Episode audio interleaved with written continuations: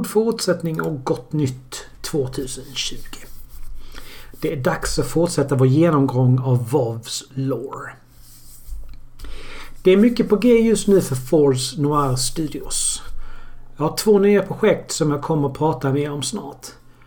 Jag fortsätter streama på Twitch men min YouTube-kanal finns kvar och alla streams laddas upp där efteråt. Både kanalen på YouTube och kanalen på Twitch heter självklart Force Noir Studios. Jag tänkte också tipsa er lite grann om pods jag lyssnar på i inledningen framöver. Idag så riktar jag fokus på As We Level Up, podden som jag tidigare var med och gjorde. För er som inte känner till den så är det en podd om nördkultur såsom tv-spel, cosplay och film. Bland annat. Då åker vi mot Azeroth.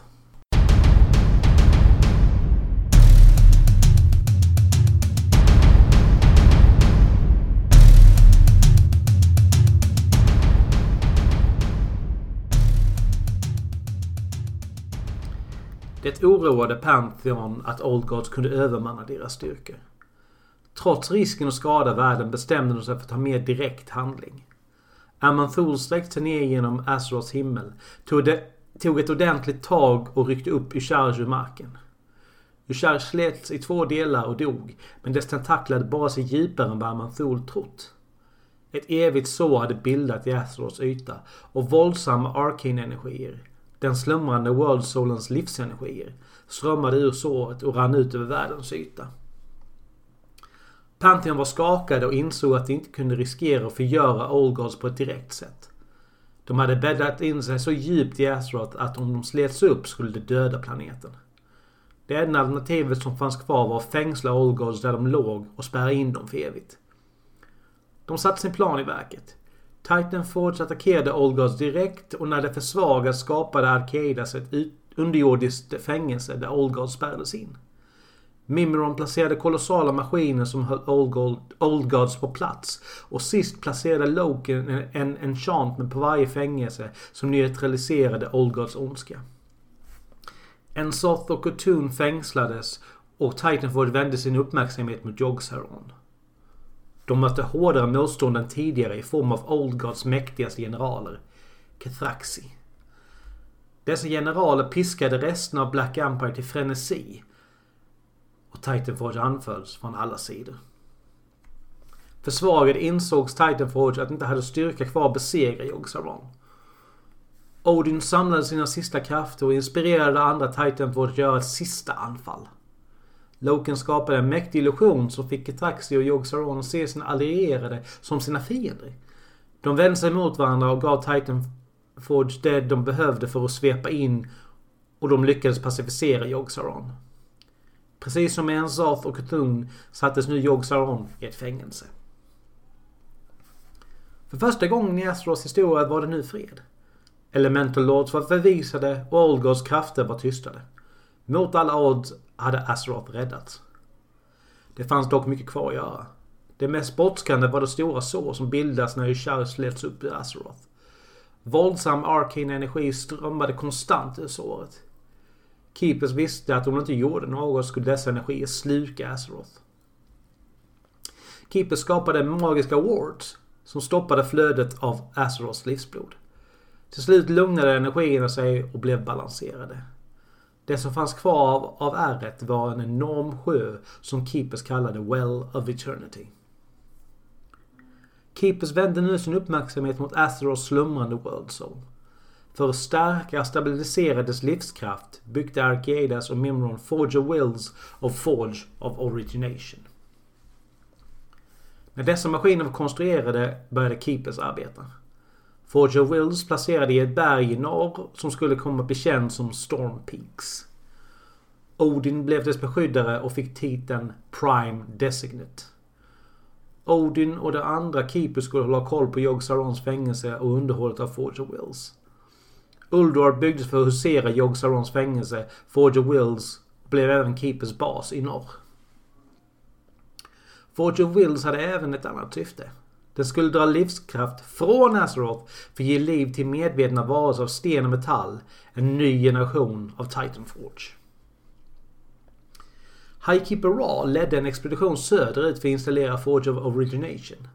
Med sig hade han flera varelser som skapats av Forge of Wills. Anubisath, Tolvir och Mogu. På sin väg hittade Ra bitar av Ysarge som fallit tillbaka ner när Manthol hade slitit upp Ysarges kropp ur planeten. Dessa bitar hade besudlat landet med ondska. Den största biten var Ysarges hjärta. En massa av sjukt kött med massor av voidenergi. Istället för att förstöra hjärtat byggdes ett underjordiskt valv där dess ondska neutraliserades. Ra visste att om de fick studera hjärtat kunde Keepers för, bättre förstå Old Gods och andra voidvarelser. Så Ra satte Mogo på att vakta Volt av Isharge. Ra färdades västerut på sin expedition. Där placerades Forge of Origination inbäddat i landet. Marken självdunderades fötter när den enorma maskinen vaknade till liv. De båda Forges hittade snart en gemensam rytm och skickade hela den energi genom planeten. Ett enormt fort rektes kring Forge of Origination och gavs namnet Uldum. Uldum blev den södra basen för Keepers. Precis som Forge of Wills hade Forge of Origination flera syften. Om flora och fauna skulle falla offer för korruption skulle de otroliga energierna i maskinen nollställa allt liv så planeten kunde starta om, fri från korruption. Tolvir och Anubisath blev Uldums väktare. Ra och resten av hans tjänare reste åt nordväst till det som skulle bli känt som Silithus. Där fanns det underjordiska fängelser som byggts runt Cthulhu. Ra och hans tjänare byggde ut fängelset och på dess plats kom fortet Ankeraj att stå. När deras arbete var klart satte Ra, Ra resten av sina Titan Forge att eh, vakta över platsen. With the twin forges embedded in Azeroth, the Keepers moved to reshape the surface of the world. To this end, they called on the new generation of servants brought from the Forge of Wills. Each of these loyal and mighty Titan Forge will play a different role in ordering and protecting the world. The craggy, kind hearted Earthen would specialize in crafting mountains and carving out the deep places of the world. The clockwork mechanomes, designed by Keeper Mimiron, would help build and maintain the keeper's extraordinary machineries. The stone skinned Mogub would dig out the myriad rivers and waterways of Azeroth. Task of safeguarding many of the keeper's holdings would fall to two different groups of constructs the iron skinned Vrykol and the chiseled Tolvir. To shape the environment, the keepers, the keepers also constricted the powerful stone and sea giants. They would roam the breadth of Azeroth lifting towering mountain ranges and dredging out the fathomless seas. Titan Forge började forma Azeroth och Keeper Freya begav sig ut i världen för att skapa organiskt liv. För detta ändamål skapade hon The Emerald Dream. En dimension av spirits och nature-magi. Emerald Dream kommer att bli en spegelbild av Azeroth, fylld av spirits och konstiga varelser. I Emerald Dream fungerade saker som tid och avstånd väldigt annorlunda. En dag i den fysiska världen kunde vara ett decennium i Emerald Dream. Överallt där energierna från Well of Eternity hade samlats var perfekta varelser för att skapa ny flora och fauna. Freja skapade liv med otrolig diversitet. Dessa platser kommer att bli kända som Unguro Crater, Skulos Basin och Vale of Eternal Blossoms. De största varelser att komma från dessa platser kommer att bli kända som Wild Gods. Freja älskade Wild Gods som sina egna barn och de vandrade tillsammans i den fysiska världen. Det fanns en plats de besökte mer än någon annan. Mount Tajal. Wild Gods är Malorn, the Honorable White Stag. Ayesina, the Mother Wisp. Agamagan, the Razorboar.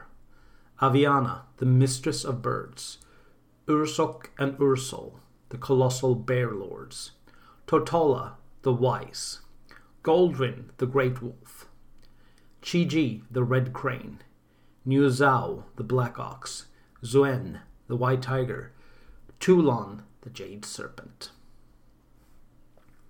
Freya band Wild Gods Emerald Dream vid Mount Hyjal. Oförklarligt bundna till Emerald Dream med Mount Hyjal som fristad.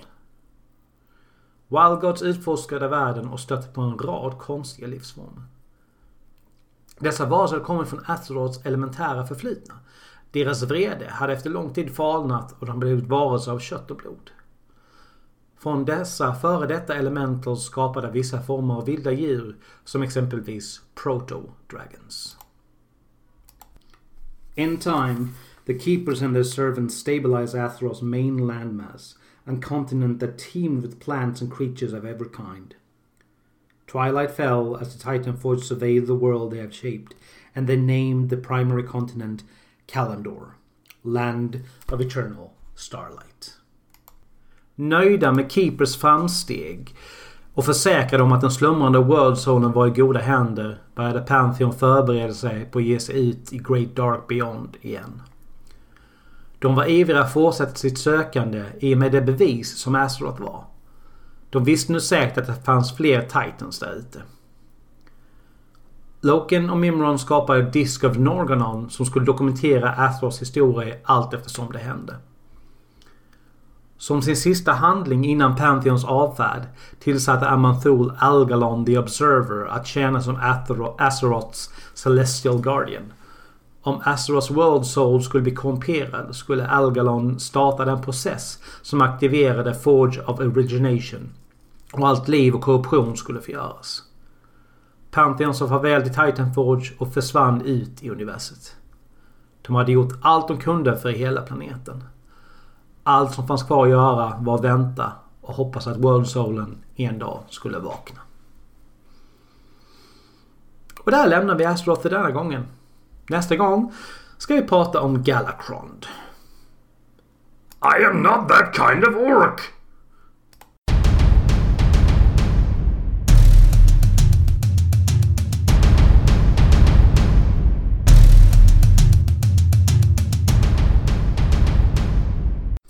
Tack för att du lyssnade på dagens avsnitt. Musiken i avsnittet är gjord av Kevin McLeod. Ett stort tack till Peter Linkvist på As We Level Up och 5Q Podcast. Utan ditt stöd och dina tips hade den här podden inte kommit långt. Vi hörs igen nästa vecka. Ha det bra!